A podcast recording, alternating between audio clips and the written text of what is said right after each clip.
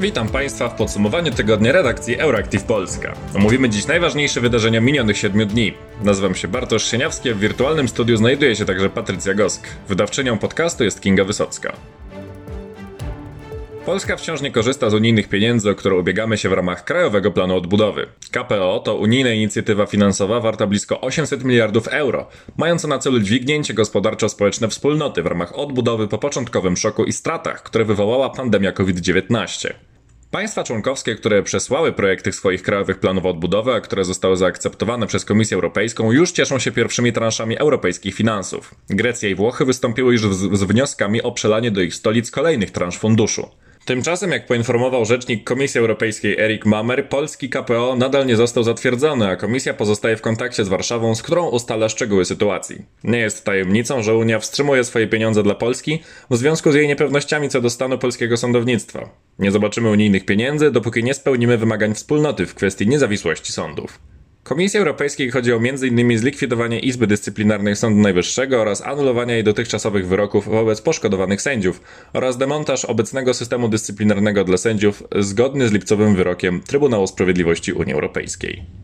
Polska swój krajowy plan odbudowy przesłała już w maju 2021. Od tamtego czasu Trybunał Konstytucyjny zdążył uznać wyższość polskiego prawa nad unijnym, a premier Mateusz Morawiecki, choć zapowiedział likwidację Izby Dyscyplinarnej Sądu Najwyższego, na razie jego obietnica nie została spełniona. Na pieniądze do walki ze skutkami pandemii najwyraźniej będziemy musieli jeszcze poczekać.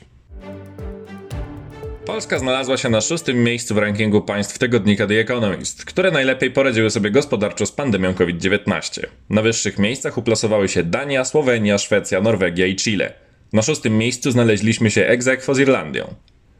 The Economist badał kilka gospodarczych czynników 23 państw w stosunku do końcówki 2019 roku. Najgorszy wynik osiągnęła Hiszpania. Jej PKB w czasie pandemii spadł o 6,6%. Nie powinno to jednak dziwić, chociażby w związku z tym, że jest to kraj typowo turystyczny. The Economist podkreślił, że wzrost polskiego PKB w analizowanym czasie wyniósł 3,1%, natomiast wzrost dochodów na osobę o 3,3%, a notowania akcji wzrosły o 25,4%. Wydatki na inwestycje zaś spadły o 7,1%. Zadłużenie państwa osiągnęło 5% PKB. Prezydent Andrzej Duda ponownie zachorował na koronawirusa. To już drugi przypadek, kiedy polski prezydent zaraził się COVID-19. Wcześniej zrobił to w październiku 2020 roku. Jak informuje szef prezydenckiego gabinetu Paweł Szrot, prezydent czuje się dobrze i przebywa na izolacji domowej. Internauci szybko zwrócili uwagę, że w grudniu media donosiły o tym, że Andrzej Duda przyjął trzecią dawkę szczepienia przeciwko COVID, zarzucając ich nieskuteczność. Warto więc przypomnieć, że szczepionki na koronawirusa nie gwarantują stuprocentowej odporności na zachorowanie, choć i tak jest ona wysoka, rzędu około 70 do 90%, zależy od typu preparatu. Szczepionki mają natomiast kluczowy wpływ na uodpornienie naszych organizmów przed ciężkim przejściem choroby, potrzebą hospitalizacji, a nawet zgonem. Napięta sytuacja w Kazachstanie. 1 stycznia Kazachowie dowiedzieli się, że cena litra popularnego w ich kraju paliwa, jakim jest gaz LPG, wzrosła z 50 tenge do 120 tenge. W przeliczeniu na złotówki gaz podrożał z 45 groszy do ponad złotówki. Kazachowie wyszli więc na ulicę w proteście. 4 stycznia demonstracje przybrały na sile, a ludzie zebrali się na manifestacje z kijami i kamieniami w rękach. W Almatach, największym mieście w kraju, demonstranci próbowali wedrzeć się do siedziby burmistrza miasta. Policja rozganiała tłum armatkami wodnymi i gazem łzawiącym. Do zamieszek dochodziło także w miejscowościach Aktau i Żangaozen. Do pomocy policji skierowane zostało wojsko. W samych Almatach aresztowanych zostało 200 osób. Zamieszki były jednak trudne do opanowania. Wściekli Kazachowie parli na policję z taką mocą, że byli w stanie zmuszać do odwrotu armatki wodnej pojazdy opancerzone. Na ulicach wznoszone były barykady. W stolicy Kazachstanu, mieście Nur-Sultan, było spokojniej. Zorganizowano wielki marsz, który w ramach protestu chciał podejść pod rządowe budynki, jednak policja nie dopuściła do tego. Demonstranci domagali się także odejścia z życia politycznego Nur-Sultana Nazarbajewa, obecnie szefa Rady Bezpieczeństwa Państwa, który wiele lat rządził krajem jako jego prezydent. To na jego cześć nazwano stolicę kraju, która wcześniej nazywała się Astana. Demonstracji w kraju nie uspokoił nawet powrót do starych cen gazu LPG. Protestujący domagali się dymisji rządu. W nocy z 4 na 5 stycznia prezydent państwa Kasym Żomart Tokajew ogłosił stan wyjątkowy w kilku regionach Kazachstanu, a następnie na terenie całego kraju. Pojawiają się również doniesienia o przerwach w dostawach internetu i problemach z funkcjonowaniem mediów społecznościowych. W środę 5 stycznia Żomart Tokajew rozwiązał rząd, a także zapowiedział odsunięcie Nazarbajewa z Rady Bezpieczeństwa Państwa. Manifestanci nie tylko weszli do budynków rządowych, ale także udało im się m.in. opanować niektóre z policyjnych koszar i zbrojowni, a także rozpocząć rozbrajanie żołnierzy i przejmowanie ich pojazdów.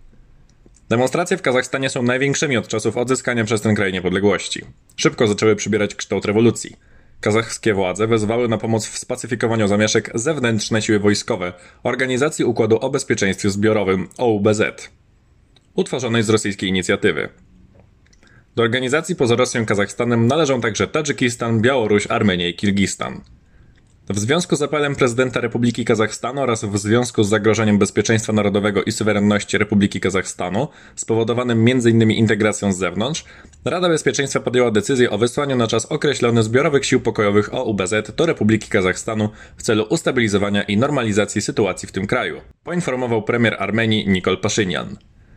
6 stycznia pierwsze jednostki międzynarodowej misji interwencyjnej, w tym przypadku jedynie rosyjskie, trafiły do Kazachstanu. Na wojska z innych państw nie będzie trzeba długo czekać. A teraz Patrycja opowie Państwu o europejskiej taksonomii. Komisja Europejska przesłała do europejskich stolic projekt dokumentu dotyczącego zasad zrównoważonego rozwoju. Wśród warunków inwestycji w zieloną energię, które mają prowadzić do redukcji emisji CO2, znalazła się zgoda na stosowanie energii jądrowej i gazowej. Uwzględnienie w unijnej taksonomii zielonych źródeł energii, nie tylko energetyki odnawialnej, ale także jądrowej i gazowej, byłoby dużą zmianą oraz wyjściem naprzeciw państwom, które, tak jak Polska, mają jeszcze w kwestii redukcji emisji CO2 w energetyce dużo do nadrobienia. Według propozycji przedstawionej przez Komisję Europejską będzie się można starać w ramach transformacji energetycznej o dofinansowanie unijne do budowy reaktorów jądrowych i infrastruktury gazowej. Bruksela uznała, że bez tego nie da się zapewnić w okresie przejściowym zapotrzebowania na energię w Unii Europejskiej. Komisja Europejska chce, aby droga do finansowania energetyki jądrowej jako zrównoważonej była otwarta co najmniej przez 20 lat – a do finansowania energetyki gazowej co najmniej 10 lat. Aby skorzystać z takiego unijnego dofinansowania, elektrownia jądrowa będzie musiała otrzymać zgodę na budowę do 2045 roku, zaś istniejąca elektrownia poddawana rozbudowie lub modernizacji pozwolenie na funkcjonowanie co najmniej do 2040 roku.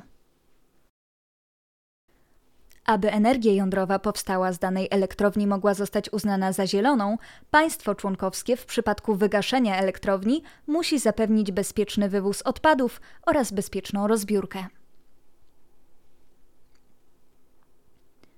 Natomiast energetyka gazowa miałaby zostać przez Unię Europejską uznana za zieloną jedynie jako forma przejściowa. Emisja CO2 z takich instalacji nie może jednak przekroczyć 100 gramów na 1 kW wytworzonej energii. Pod pewnymi warunkami może to być jednak 270 gramów.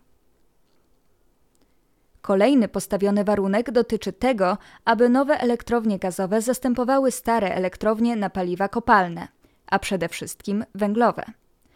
Koniec owego okresu przejściowego zostałby ustalony na 31 grudnia 2030 roku.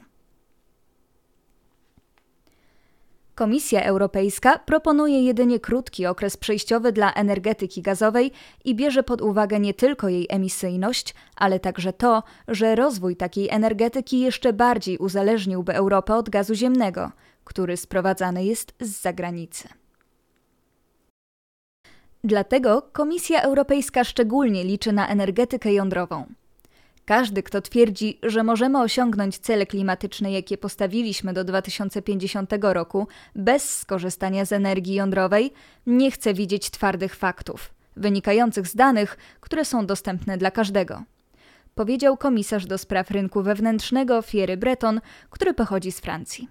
Na włączenie energii jądrowej do unijnej taksonomii naciskały m.in. Francja, Rumunia i Polska. Na uwzględnieniu energetyki gazowej także szczególnie zależało Warszawie. Ale, aby unijne przepisy się zmieniły, potrzeba jeszcze zgody na propozycje Komisji Europejskiej ze strony większości państw członkowskich oraz Parlamentu Europejskiego. Tymczasem przeciwne temu są Niemcy, które promują przede wszystkim dalszy rozwój OZE i obawiają się, że jeśli będzie można skorzystać z atomu i gazu, obniży to motywację państw członkowskich do inwestowania w odnawialne źródła energii. Określanie energii jądrowej jako zrównoważonej jest błędem, bo to bardzo ryzykowna technologia. Skomentował doniesienia mediów niemiecki minister gospodarki i ochrony klimatu Robert Habeck, który jest politykiem zielonych. Energetykę gazową nazwał zaś wątpliwą, jako akceptowalne źródło wskazał natomiast na wodór. Austriacka minister ochrony klimatu Leonor Gewessler nie wyklucza pozwania przez Austrię Komisji Europejskiej, jeśli ta nie zrezygnuje z włączenia energii jądrowej do unijnej taksonomii. Zdaniem Gewessler taksonomia nie powinna obejmować ani energii jądrowej, ani gazu, gdyż źródła te są szkodliwe dla środowiska i rujnują przyszłość naszych dzieci. Poddamy obecny projekt dokładnej analizie. Już zamówiliśmy opinię prawną dotyczącą uwzględnienia energii jądrowej w taksonomii. Zapowiedziała Gewessle w nowy rok na Twitterze. Jeśli komisja chce realizować swoje plany w ten sposób, pozwiemy ją, dodała, stwierdzając, że energia jądrowa jest niebezpieczna i nie stanowi dobrego rozwiązania w walce z kryzysem klimatycznym. Europejscy Zieloni rozważają, czy pójść za przykładem Austrii i pozwać Komisję Europejską w związku z unijnymi zasadami taksonomii, które uznają energię jądrową i gaz jako zielone źródła energii.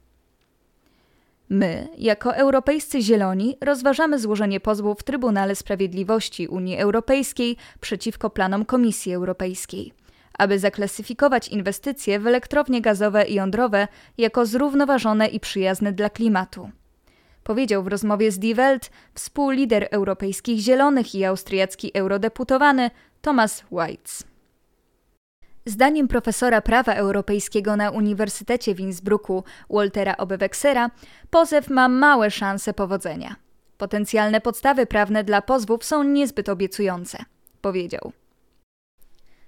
Niemcy, które również sprzeciwiają się włączeniu energii jądrowej do zasad taksonomii, wstrzymały się od przystąpienia do pozwu, ponieważ Komisja Europejska wydaje się mieć solidne podstawy prawne. Powiedział w poniedziałek rzecznik niemieckiego rządu Stefan Heberstreit. Niemiecka minister środowiska Steffi Lemke również wyraziła wątpliwości, czy włączenie energii jądrowej do taksonomii może zostać zatrzymane, ponieważ nie ma większości wśród krajów Unii Europejskiej powiedziała w Radiu Bayern 2. Na razie Komisja Europejska przesłała swoją liczącą 60 stron propozycję unijnym stolicom. Konkretny plan rozszerzenia unijnej taksonomii, a więc zmiany tego, co zaproponowano w kwietniu ubiegłego roku, ma zostać upubliczniony pod koniec stycznia. Jeśli przyjrzeć się temu, ile rządów państw członkowskich w Unii Europejskiej już wypowiedziało się przychylnie na temat zmiany unijnej taksonomii, to wydaje się, że propozycja Komisji Europejskiej powinna zyskać odpowiednie poparcie w Unijnej Radzie. Ale część z tych rządów znajdzie się pod presją organizacji ekologicznych, które zmiany postrzegają jako spowolnienie walki ze zmianami klimatycznymi, więc nic nie jest jeszcze przesądzone. Spór między innymi właśnie o kwestię taksonomii zablokował na ostatnim szczycie Unii Europejskiej w Brukseli tę część konkluzji, która dotyczyła energetyki. Również w Parlamencie Europejskim nie brakuje przeciwników zmian w regułach unijnego finansowania inwestycji w energetykę. To już wszystko w dzisiejszym podsumowaniu tygodnia Euractiv Polska. W imieniu całej redakcji życzę Państwu udanego weekendu i życzę miłego dnia. Do usłyszenia.